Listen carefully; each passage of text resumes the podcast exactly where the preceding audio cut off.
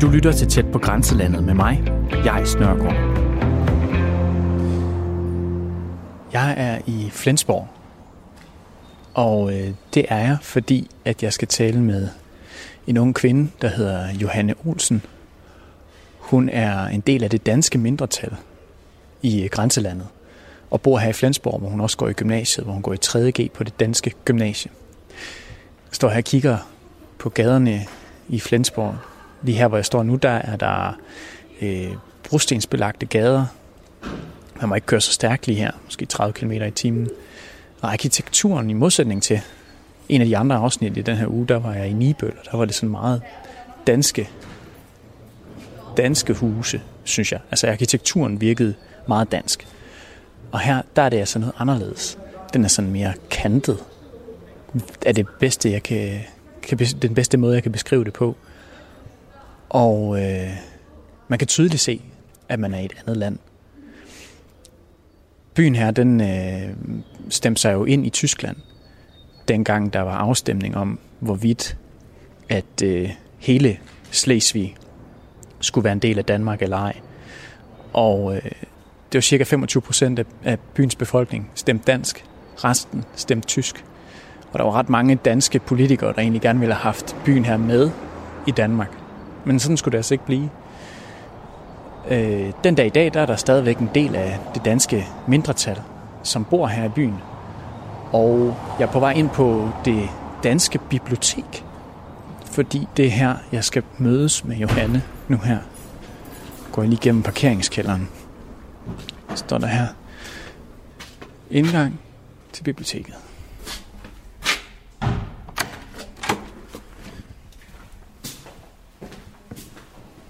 Hej. Er det noget med, at øh, studerende, de nogle gange sidder her og arbejder? Det sker, ja. Men måske mere på ansat. Det var på ansat? Mm. Okay. Jeg skal nemlig mødes med en, kommer okay. fra Dansk Radio. Hvor er trappen henne? Er det... Er det hvad sådan her trappen bag ved dør? Okay, tak.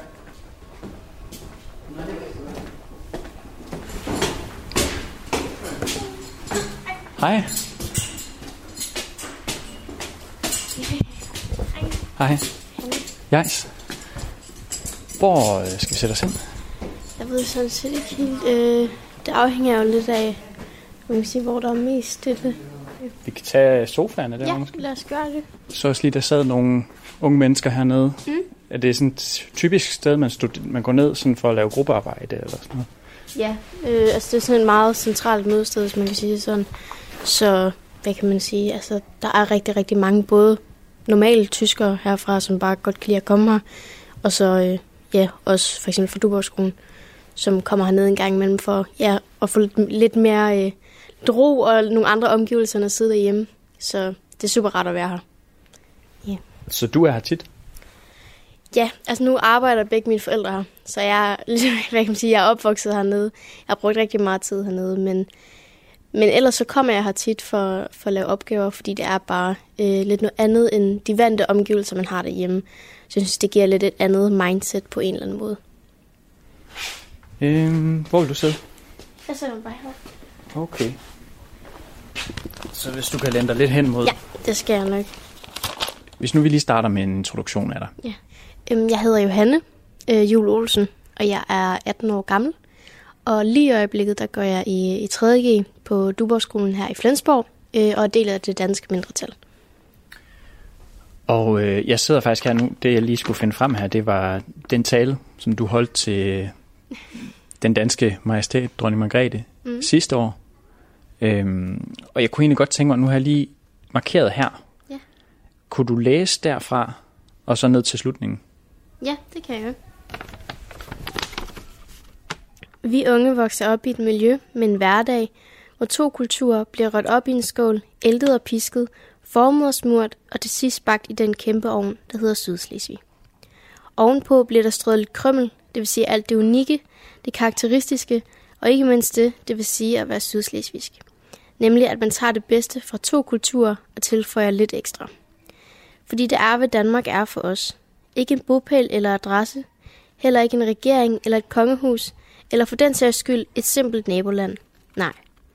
Danmark er et sted, som vi, dansk, Danmark er et sted, som vi danske mindretalsborgere kan kalde hjertehjem.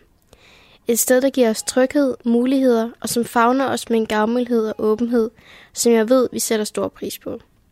Det er ikke vores fysiske hjem, men man nærer en vis længsel og lyst efter det danske, som kan kendetegnes ved, at man i sit inderste ved, her hører jeg også til. Tak. ja, og, så, og så grunden til, at jeg, jeg lige tænkte, du lige kunne læse den del af talen, det var også fordi, at du fik ret meget opmærksomhed i danske medier, efter du havde holdt den tale sidste år.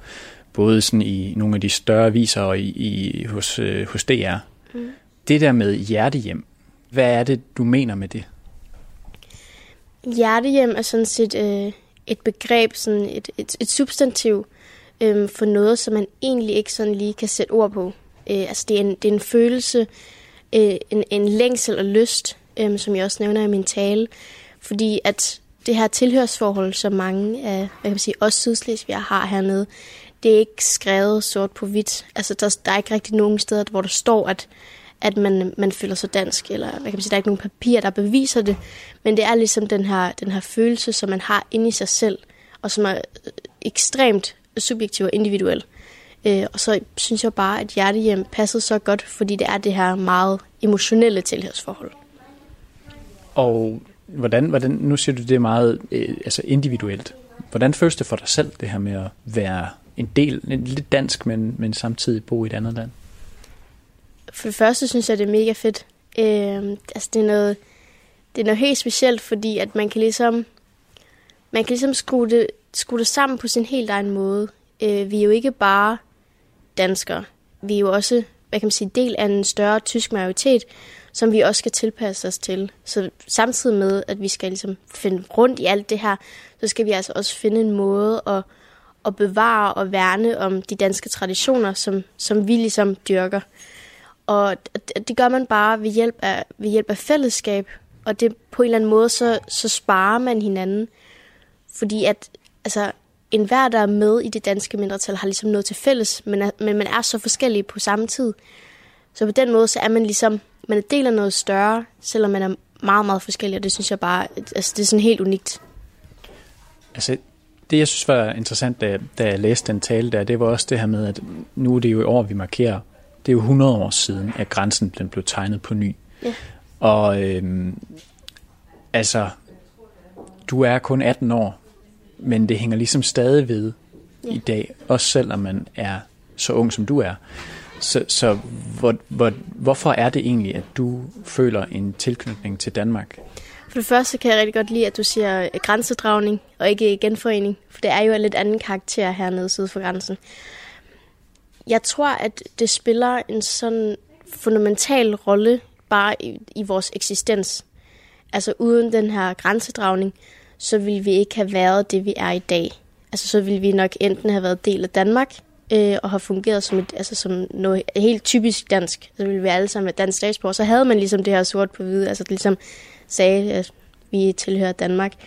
Men på en anden side, så kunne man ligesom også, så kunne man måske have tilpasset sig den tyske majoritet, men det er den her gennemslagskraft, man ligesom har haft. Øh, dem, der har været hernede og har, jamen, har, har stået fast omkring deres, øh, deres danske værdier og deres danske principper. Og, det, og jeg tror, at mange, selvom at man kun er 18 år, som jeg er i dag, så er jeg ekstremt taknemmelig for, at der er nogen, der har taget kampen op. Og jeg tror også, at det er en, en, en følelse, som, som bliver givet videre i og med, at at være et mindretal er ikke bare lige en til en, altså der skal kæmpes. Altså, det, altså virkelig, altså et mindretal kan dø hver dag, øh, og derfor tror jeg bare, at, at, at historie hænger så meget sammen med, hvordan vi fortsætter. Har du, øh, er det noget, der kommer fra dine forældre eller fra dig selv, det her med det her ønske om, at, eller den her tilknytning til Danmark? Nu er øh, mine forældre er jo danske. Øh, de er rigsdanskere. Og øh, altså, jeg er jo selv født og opvokset her, øh, og derfor har jeg altid, jeg har altid søgt det danske. Og derfor har jeg altid sat rigtig meget pris på, at der var et sted, hvor jeg kunne, hvis man kan sige sådan, være mig selv. Og, øh, og derfor har jeg jo næret den her, øh, det her det danske mindretal. Der kunne jeg ligesom være dansk. Så jeg tror, at, at jamen, jeg tror faktisk, det er meget individuelt. Jeg tror ikke, det er noget, du bliver, du bliver pådraget, eller det bliver trængt dig på. Altså, der er ikke nogen, der siger, nu skal du gøre sådan og sådan. Altså, et mindretal er meget, eller vores mindretal er i hvert fald meget frit. og du, får, ja, det er ligesom, du tager det bedste fra to kulturer og, og gør det til dit eget. Øhm, så derfor tror jeg samtidig også, at folk ud fra egen vilje og lyst, ja, får lyst til at, øh, til at fortsætte, og, og den her taknemmelighed over for, for, for fortid, det bringes ligesom videre ind i vores fremtid, fordi ja, det er ikke bare givet. Hvordan, øh, hvordan bliver det egentlig sådan modtaget af, af almindelige tyskere, det her med, mm. at I holder fast i en identitet, som er fra et andet land? Jeg tror, at, øh, at vores, især vores mindretal, det danske mindretal, er et, er et pragt eksempel på øh, en meget, meget integreret minoritet. Altså hvis du, øh, hvis man går i gadebilledet, så, så ser man ikke nogen, der stikker ud. Altså, eller man gør, der gør ikke, der, altså, der gør ikke, nej, lige, der gørs ikke forskel. Og, øh, og det hænger nok også sammen, meget sammen med, at lige så vel som vi taler flydende dansk, så taler vi jo flydende tysk. Så jeg tror, at, at vi har den her evne til at kunne tilpasse os to lande, hvis man kan sige det sådan. Og derfor tror jeg bare heller ikke, at folk sådan lige med det samme tænker, ej, hun er del af det danske mindretal, eller ej, hun er selv lidt anderledes, end jeg selv gør. Altså man er bare så integreret, at efterhånden så, så er man bare fuldt accepteret, samtidig med, at man godt ved, altså en, en gængs Flensborg ved godt, der findes danske og tyske gymnasier. Og altså, det er bare sådan, det er, fordi sådan har det været i lang tid. Men du siger, at dine forældre, de, er, de, er, de kommer fra Danmark. Ja. Så, øh, så altså, hvordan, hvordan er jeres familie øhm, ellers tilknyttet til, til området her? Min, øh, min mor kommer fra Sønderjylland, øh, og hun har altid, øh, jeg vil ikke kalde det, eller sige konfronteret, men jeg vil sige, hun har altid øh, været bevidst om, at der har været noget, noget tysk også. Hun, øh, hun er vokset op i øh, den lille landsby Borger, der, øh, der, hvad kan man sige, hvor der også har været tyske børnehaver, og hvor, hvor der også har været det her lidt, og jeg opdelte, øh, men så på samme tid, så var, så var de tyske alligevel nogen, man ikke sådan, dem omgik man ikke. Altså, hvad kan man sige, dem havde man ikke så meget at gøre med. Så hun har ligesom altid, hun har kendt til det her dansk-tyske, mens min far, han er nordjyd, så han kommer jo fra en helt anden del, og han er jo flyttet herned.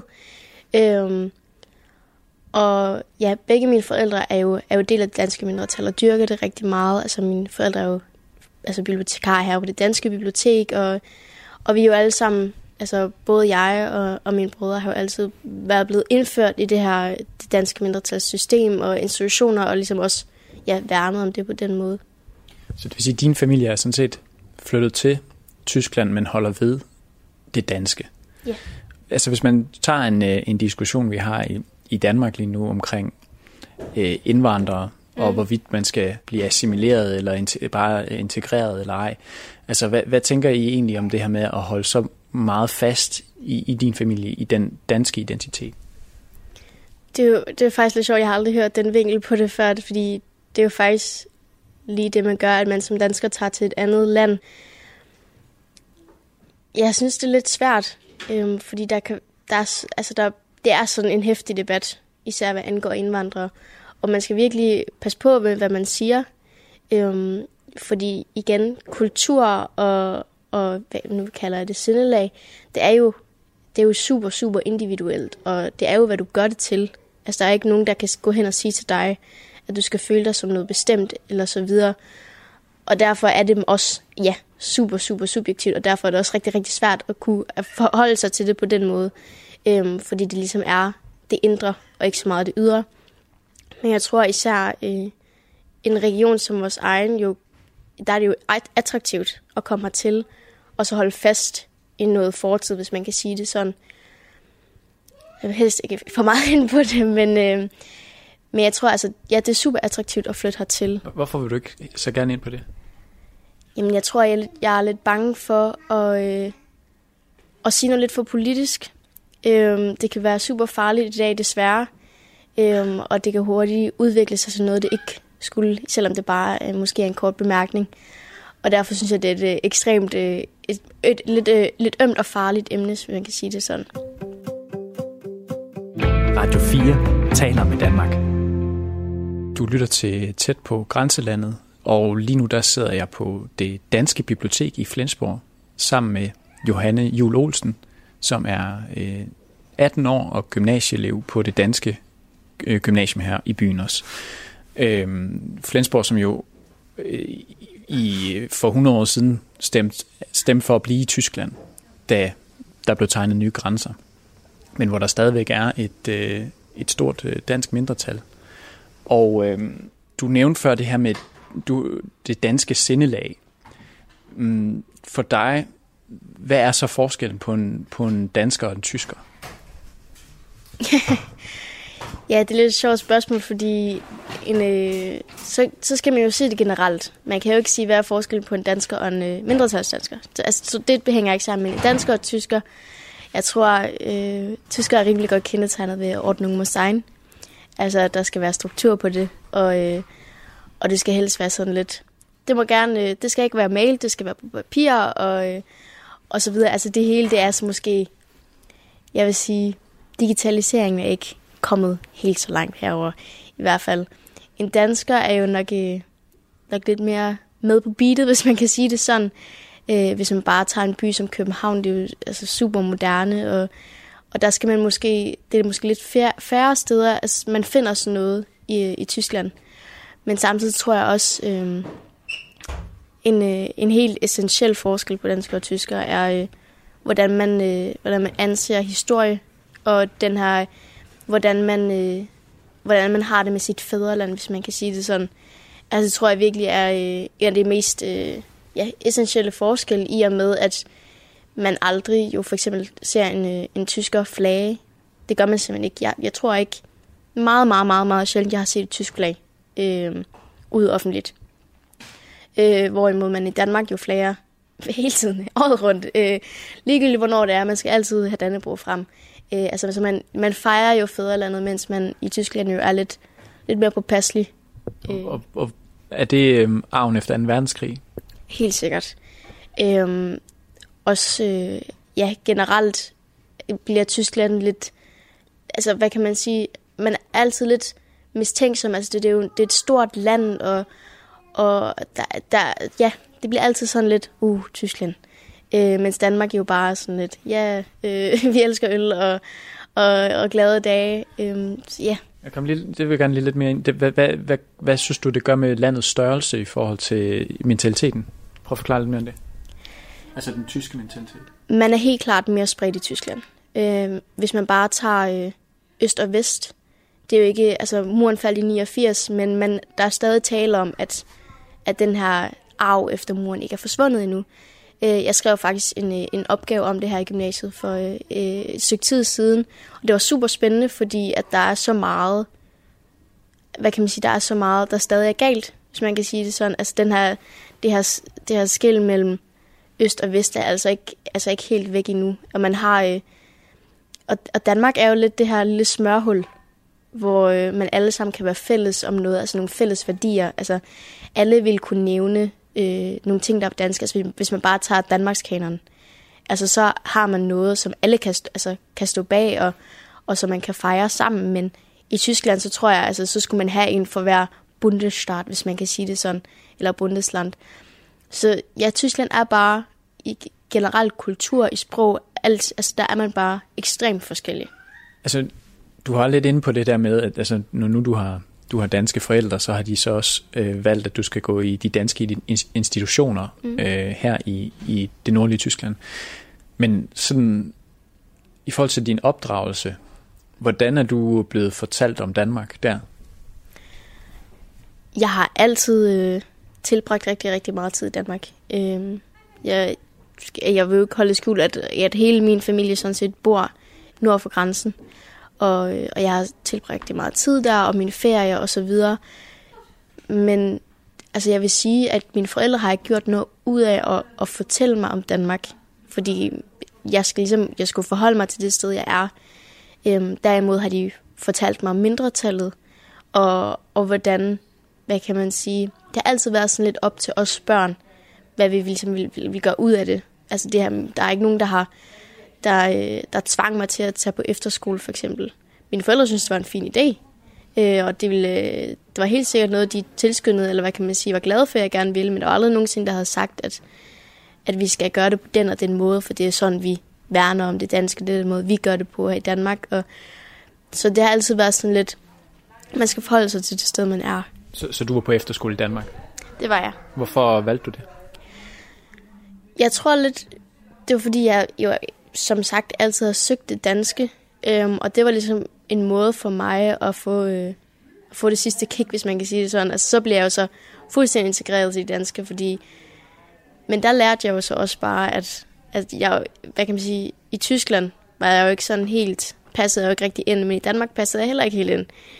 Men så det havde jeg ikke, altså det havde jeg virkelig ikke forudset, at, der, at jeg ville blive mødt med, jeg vil ikke sige en tvivl, men noget forvirring på den, på den front.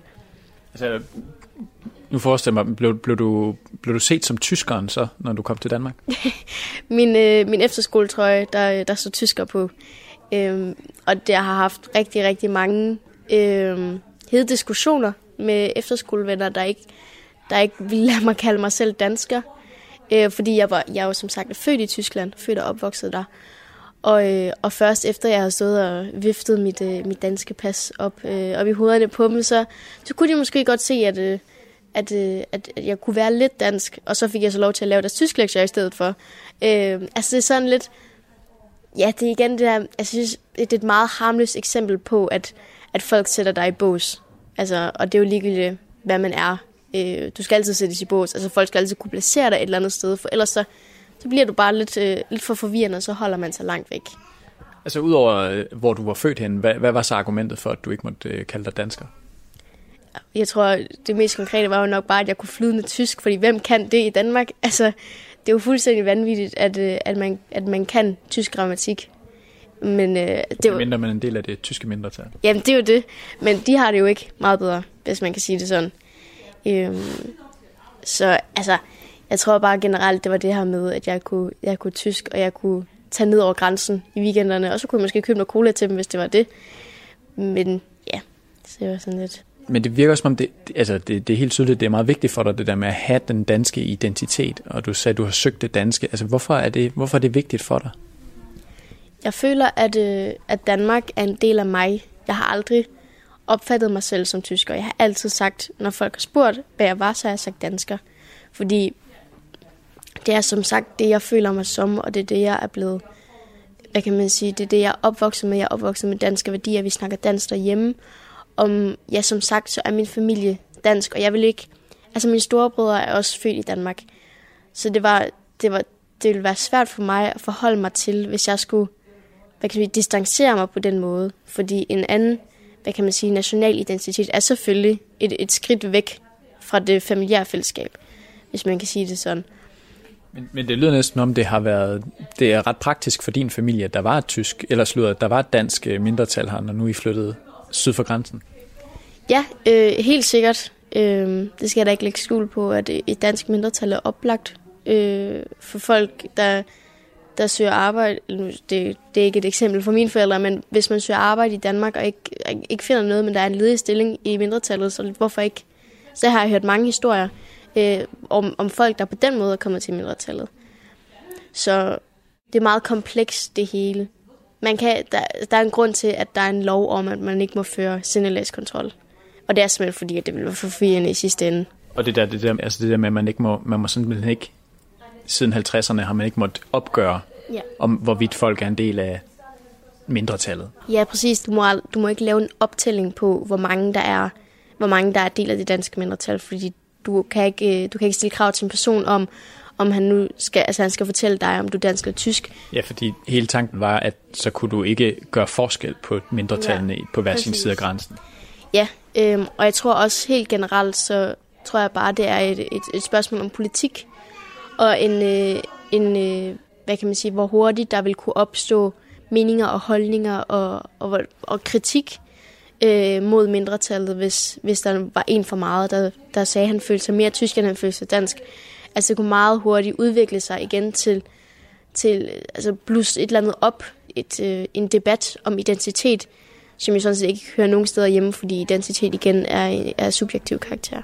Eller i værste tilfælde er det vel forfølgelse af mindretal, man er nervøs for, ikke? Ja, helt sikkert. Og det skal jo ikke, heller ikke holdes hemmeligt, at, at vi får økonomisk støtte fra Danmark.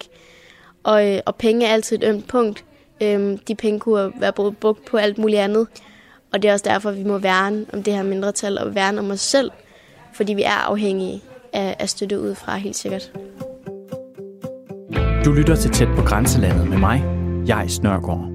I den her uges udgave af Tæt på, der er jeg taget til Grænselandet, hvor jeg i flere episoder kigger lidt nærmere på, hvad er det egentlig, der foregår i den her region.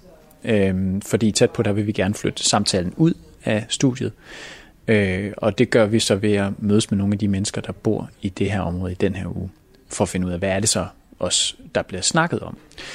Og øh, jeg er på besøg i Flensborg i dag, på øh, det danske bibliotek, sammen med Johanne Jul Olsen, som er øh, gymnasieelev. Og det er faktisk sjovt, fordi øh, jeg har allerede været øh, på det tyske bibliotek i Åben Rå med en anden gymnasieelev, også en ung kvinde, mm. hvor hun også synes, vi skulle mødes der.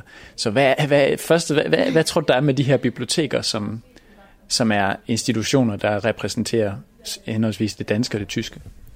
Jeg tror meget, det er et, et, et samlingssted, øh, hvor, øh, hvor, hvad kan man sige, altså, det er jo, altså, man skal bare kigge rundt, altså, det emmer af danskhed, altså, der er dansk litteratur over det hele, selvom vi er i Tyskland. Så på den måde, så bliver det jo sådan set, hvad kan man sige, et tegn på mindretallet, at der er noget danskhed her. Og samtidig så tror jeg også bare, at, at folk kommer her lidt, øh, ikke for, hvad kan man sige, selvfølgelig man kan også komme her for at snakke, men man kommer ikke for at, for at føre en samtale, man kommer for at, hvad kan man sige, ja, gå lidt rundt, øh, og ligesom være i det her sted, finde den her ro, der er på et bibliotek. Altså er det noget, du gør, eller er det noget, man kan sige, folk gør? Jeg gør det måske en gang imellem. Jeg kan godt lide at være her. Øh, fordi at, ja, jeg synes, der er en eller anden, øh, en eller anden øh, ro over bøger, som ikke, det, måske ikke, altså, man behøver ikke læse, men bare det med at være i nærheden af dem, det giver sådan lidt et, øh, en anden sindstemning, hvis man kan sige det sådan. Og øh, tidligere i programmet her, der nævnte jeg det her med grænsedragning. Øh, det er 100 år siden i, det, i år. Øh, og øh, vi er jo så i en by, som stemte for at blive i Tyskland. Det var, der var mange af byerne her i Slesvig, der faktisk stemte tysk. Øhm, og du sagde der, da jeg nævnte grænsedragning, at du er glad for, at jeg kaldte det genforening. Mm. Og det, det, det mødte jeg også øh, i det tyske mindretal, den her aversion mod ordet genforening.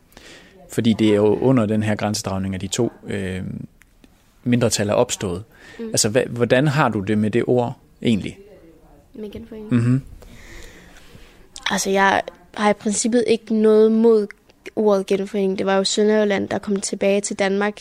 Man skal bare ikke stå og øh, stå i et mindretal og kalde det genforening. Fordi det er en helt anden karakter. Vi blev ikke, altså vi blev netop ikke genforenet med Danmark. Vi blev tværtimod bragt væk fra Danmark. Øh, altså der blev opstået den her grænse. Øh, så på samme måde som det tyske mindretal, så siger det danske mindretal nok, at vi er noget, der blev affødt af den her grænsedragning. Så uden, uden den, altså hvis der sådan set var sket en, en fuldkommen genforening, så ville vi aldrig være her, hvor vi er i dag. Men grænsen blev jo rykket ret meget sydpå, så ja.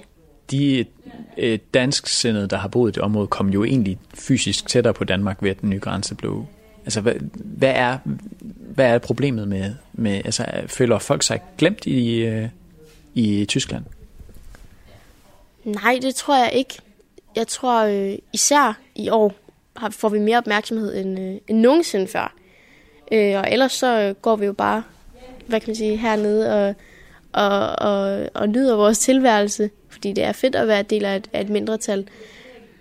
Men jeg tror bare, at, øh, at, at bare det her ord genforening, altså vi blev jo genforenet. Altså vi, vi sidder jo her i Tyskland, så på den måde det er jo et levende eksempel på, at, øh, at, at genforening ikke var fuldkommen. Og det er der selvfølgelig ikke noget negativt i overhovedet. Fordi ja, som sagt, vi vil ikke være her i dag.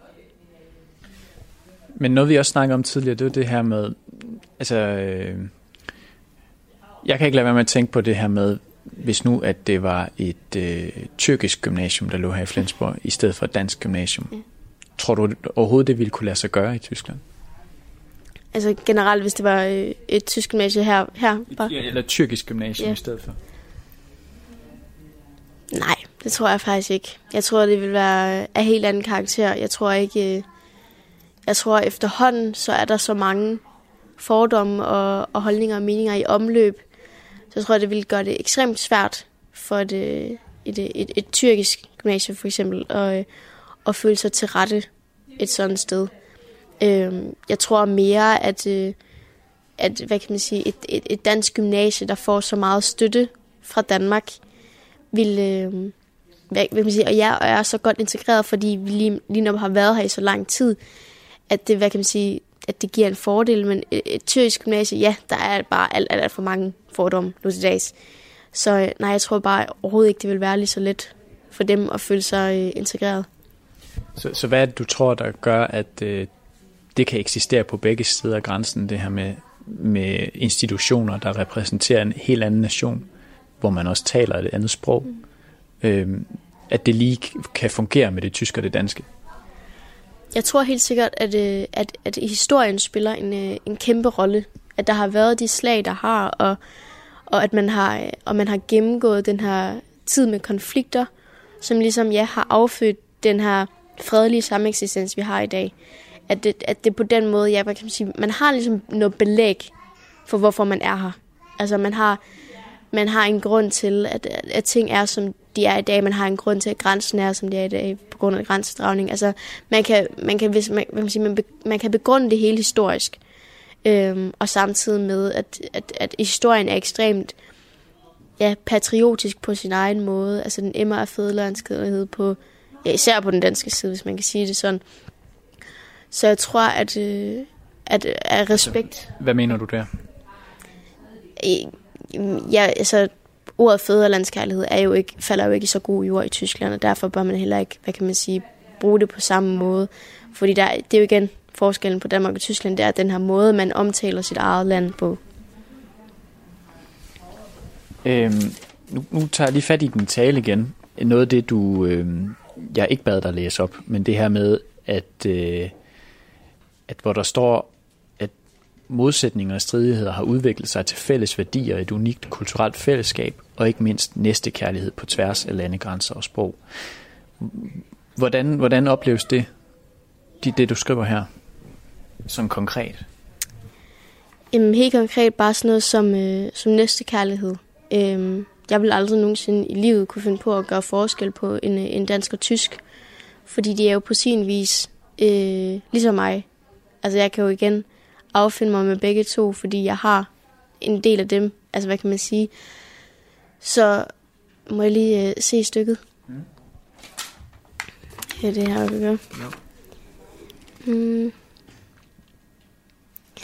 Ja, altså lige netop den her, den her meget krigeriske historie, der har været her i regionen, især når man tænker på sådan noget som 1864 og så videre, at det har udviklet sig til den her, øh, den her harmoni, der sådan set er i dag, at det her med, at at, at, at hverdagen ikke er så konfliktfyldt, og man ikke lige op i, i forbindelse med københavn bonderklæringerne hvad kan man sige, forsikrer de her mindretal, man, man befinder sig i, og man får, øh, man får rettigheder, og, og vi har det godt med hinanden. Der er ikke nogen, der går rundt og råber hinanden på gaderne. Især her har vi det bare super godt, og det på trods af den historie, vi har. Men øh, du, du kender også historien ret grundigt, kan man høre. Altså sådan, hvor meget fylder det sådan øh, i, øh, i det danske flertal, eller i det danske mindretal, det her med øh, at, at kunne historien og, og vide præcis, hvor, hvorfor det er, at, øh, at, vi, at, at området ser ud, som det gør i dag? Jeg tror helt sikkert, at det spiller en stor rolle, men det er heller ikke noget, man bør, man bør pådrage nogen. Altså, det er ikke et krav, man kan stille. Øhm, igen, der, der, der bør og skal ikke blive stillet. Der, der bør og bliver ikke stillet krav til en mindretalsborger. Øh, og det er også sådan, det skal blive ved med at være, fordi det gør, altså, historien spiller en kæmpe rolle i selve mindretallet, men ikke for selve mindretalsborgeren. Det er jo heller ikke sådan, at vi sidder i historieundervisningen og får øh, et helt forløb om, øh, om lige præcis vores mindretals opståen. Altså det, det gør vi ikke. Altså vi har samme pensum, som, som hvert andet gymnasie har. Men historien spiller en rolle på den måde, at, at, at hvis man hvad kan man sige, hvis man vil forstå, og hvis man og her kan man ikke engang sige engagere sig, fordi det gør man jo ligegyldigt hvad. Men hvis man gerne vil forstå nogle af de, hvad kan jeg sige, nogle af de baggrund og belæg, der er for vores eksistens i dag, så, så kender man godt historien. Men er I uh, unge i, i mindretallet generelt meget engageret i det at være mindretalsborger, eller er du særligt tilfælde? Jeg tror bare generelt, der er en rimelig øh, bred interesse for at, øh, for at dyrke mindretallet. Altså nu har vi øh, øh, i, i skolen, altså i gymnasiet og også i, i, i fællesskolen, nu, eller hvad kan man sige, 9. og 10. klasse, der, øh, der har vi det projekt, der hedder Elevambassadørerne, hvor man, øh, hvor man melder sig til og kommer ud øh, på danske gymnasier, såvel som tyske gymnasier. Det er meget forskelligt. Øh, kommer ud og fortæller om sig selv og om det mindretal, man bor i. Og det, det er der ekstremt stor interesse for. Altså, der er rigtig, rigtig, rigtig mange, der er med i det her. Øh, hvilket jeg synes også viser, at, øh, at der er en meget bred interesse for, at, øh, hvad kan man sige, at blære sig lidt med det mindretal, man bor i. Har, har du været elevambassadør? Ja, det har jeg. Hvad, hvad, hvad blærede du der med, når du var ude? Jeg synes, det var, øh, var fedt at bo i et sted, hvor, øh, hvad kan man sige, hvis man skulle forklare det på en, øh, på en øh, meget almindelig måde, så enhver ung dansker kunne forstå det, hvor der var billige bajer og billige biler. Øh, fordi det er bare, ja, det er det, hvad kan man sige, det er det, en, øh, en ung dansk øh, dreng nok vil tænke om Tyskland. Fordi jeg, jeg fik ofte spørgsmål, hvorfor, øh, hvorfor mine forældre flyttede herned. Og det var ofte det svar, jeg gav, fordi at det giver ligesom mening.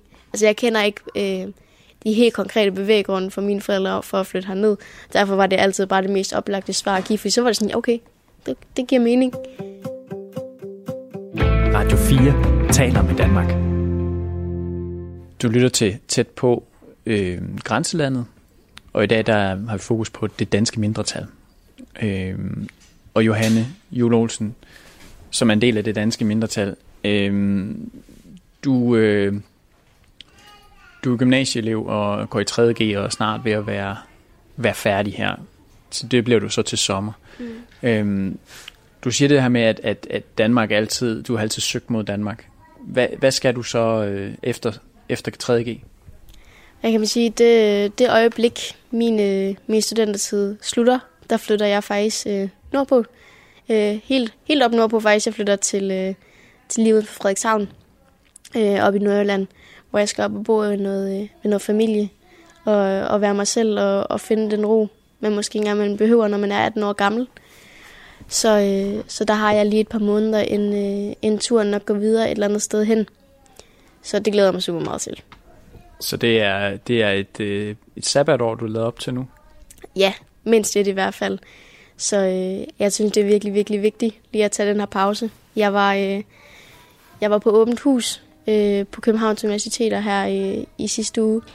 Og, øh, og lige, så, lige så fedt det var at komme ud og se et universitet, lige så, lige så klart blev det, at man virkelig bare... Det var ikke her, man skulle være lige om lidt. Det var virkelig et andet sted, hvor, hvor, man kan sige, hvor, øh, hvor tankerne får lidt mere frirum end inde i klasselokale. Men, men der står øh, Danmark i din fremtid, lyder det til?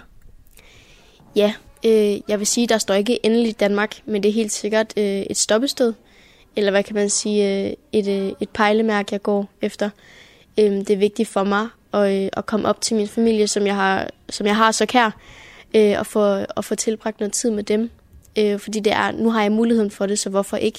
Det handler ikke så meget om, at, det, at det lige netop i Danmark, men det handler mere om de her, de her familiære relationer, jeg rigtig gerne vil værne om. Men øh, om, jeg, om jeg ender i Danmark, det ved jeg ikke. Øh, der er så mange muligheder, og jeg, jeg synes lidt, man bør udnytte nogle af dem. Jeg ved heller ikke, om jeg kommer til at studere i Danmark. Øh, jeg ved ikke, om det er i Sverige, jeg ender, om, det, om jeg måske endda ender med at læse i Tyskland. Altså, jeg ved virkelig ikke, hvad fremtiden bringer. Men det synes jeg faktisk også er lidt fedt, fordi at igen det her med at, at hvad kan man sige, være vokset op i et mindretal, det giver dig bare nogle, nogle muligheder, ikke bare rent sprogligt, men også bare rent tilpasnings- og tolerancemæssigt. Ja. Hvor meget af det her med, når du skal op til din familie, handler om, om forbindelsen til, til det danske? Jeg tror, en, øh, en, en, en stor del, men det handler ikke så meget om forbindelsen til det danske, det handler mere om, øh, om forbindelsen til stedet, som har som er rigtig, rigtig, rigtig stor betydning for mig. Øhm, og selvfølgelig er det lige netop det sted, og og, og, og det rum, jeg forbinder med, med Danmark. Og det er også derfor, at jeg, øh, at jeg lige netop tager det her skridt. Det er ligesom for at, at, at kunne nære os, hvad kan man sige, kunne, kunne få noget af mig selv på friløb, som jeg måske ikke kan på samme måde her i mindretallet. Ja, hvordan det? Fordi at det, det handler også bare om at, at finde sig selv. Og nu har jeg været her i, øh, øh, ja, i 18 år af mit liv. Jeg har godt nok været et år på efterskole, men det kan jo ikke sammenlignes på den måde. Men det handler også bare om, at nu har jeg hele livet søgt det danske. Så nu kan jeg lige så godt tage skridtet om at, og hvad kan man sige, at ændre mit, min, min adresse, hvis man kan sige det sådan. Men tænker du så egentlig, at når du så øh, flytter til Danmark, at du stadigvæk vil, øh, vil være et del af et mindretal? Eller vil du, vil du så bare glide ind og være dansker? Det ved jeg jo sådan set ikke helt endnu. Øh, det kan jeg ikke sige så meget om. Men at være del af et mindretal vil altid være en del af min, min egen identitet, fordi det har, det har lært mig ekstremt meget og har, har gavnet mig på så mange punkter. Og der, altså, hvad kan man sige, jeg føler, at jeg har, måske har et, øh, et helt andet syn på ting, end, end en gængse dansker eller tysker har. Øh, lige, lige op, fordi man er det her mishmash, hvis man kan sige det sådan. Og, øh, og, og det giver en så meget, så jeg tror ikke, det er noget, man bare lige kan, kan lægge fra sig på den måde, fordi man ligesom har det med i bagagen hele tiden. Altså det er en del af dig. Men altså, nu må jeg jo se, at mine forældre bliver jo boende hernede, og, og jeg vil altid have relationer hernede. Altså mine venner er her jo, og, og, og lige så vel som jeg dyrker mine efterskolevenner, som bor i Danmark, så kommer jeg også til at dyrke de venner, som jeg har her, og derfor kommer der altid, kommer der altid til at være noget mindretal tilbage i mig, og det er jeg slet ikke i tvivl om. Du sagde også, det der med at være en del af, af mindretallet, det er, betyder også, at man får noget godt fra begge kulturer. Hvad tager du egentlig med fra Tyskland? Hvad er det gode ved, øh, ved den tyske del af, af dig?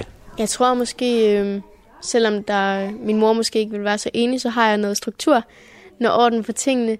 Altså det, også bare, bare sådan noget som, øh, som at ting går langsomt en gang imellem. Jeg tror, øh, der er mange danskere, der, øh, der tit øh, står og råber øh, af hinanden over, at, øh, at skat er lidt langsom i øjeblikket, eller der er nogen, der ikke lige svarer så hurtigt, som de skulle. Men i Tyskland går ting bare lidt langsommere. så jeg har måske lidt mere tolerance over for det.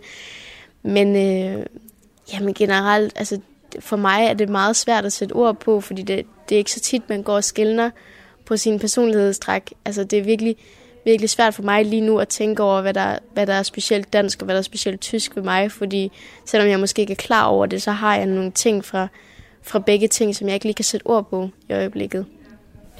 Hvad kommer du til at savne ved Tyskland, når du, når du forlader det til fordel for Danmark? Hmm. Ja, altså, det er faktisk ikke noget, jeg lige har tænkt over. Men jeg, jeg, jeg tror måske, jeg faktisk kommer til at savne det her lidt med, at det her lidt unikke, det lidt specielle. Øhm, fordi når man er i Danmark, så det lyder måske lidt banalt, men det er så homogent det hele. Øhm, hernede, der, der er alle lidt forskellige, og man har nogle, der er nogle specielle typer iblandt, og man individuelt er sig selv, men er så, er så fælles med så mange andre på samme tid, at det bliver sådan helt... Ja, det går op i en højere enhed, hvis man kan sige det sådan. Mens men i Danmark, eller Tyskland jo, ja, hvad kan man sige, er dansk eller tysker. Og det bliver måske, hvis man skal sige det rigtig, rigtig banalt, lidt kedeligt. Men du sagde også det der med, at, at, at når du var elevens ambassadør, så kunne du blære dig med at være en del af, af et mindretal. Og det, ble, det blev jo udvisket lidt, når du kommer over til Danmark, tænker jeg.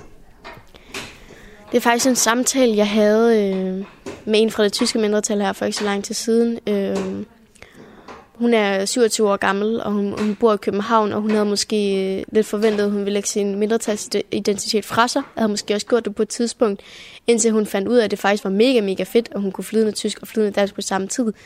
Så på den måde, så, øh, så blev det lige pludselig til noget, man, øh, men ja, man dyrkede for sig selv, og, og kunne gå ud til folk, og, og der er jo ikke, altså, jeg kender ikke nogen, der vil gå rundt og sige, at det er ufedt at kunne to sprog. Tværtimod. Så øh, hvis jeg kommer til jobsamtale sammen med en, øh, en anden, så vil jeg da nok blive valgt. Altså det er en kæmpe fordel, øh, som, som jeg sætter pris på, som jeg nok tænker, at jeg vil være taknemmelig for resten af livet. at lige netop det her, den her mindretalsidentitet, den bør man ikke lægge fra sig, men tværtimod bør man jo gå ud og blære sig lidt, fordi hvem kan ellers sige, at det er del af et mindretal? Det er nok de færreste, der kan det. Og nu ved jeg godt, du er 18 år, så det er ikke sikkert, du har tænkt på den her del, men når du på et tidspunkt måske selv skal have børn, mm. har du egentlig tænkt over, hvad, om de skal være, øh, hvad skal man sige, slesvigere, eller hvad, hvad, skal de være danskere eller tyskere, eller hvad, hvad, hvad, hvad tænker du? Ja, det, altså det er virkelig, øh, det er ikke fordi, jeg slet ikke har tænkt over det, vil jeg så sige. Fordi, øh, altså, nu kan jeg jo tysk, og det kommer jo an på, hvor, hvor meget jeg kommer til at værne om mit tysk, hvor meget jeg kommer til at tale det. Altså, sprog forsvinder jo hen ad vejen. Men hvis jeg kan, og hvis jeg vil på det tidspunkt, så vil jeg da helt sikkert lære mine børn med tysk. Øh, igen, det er en kæmpe fordel.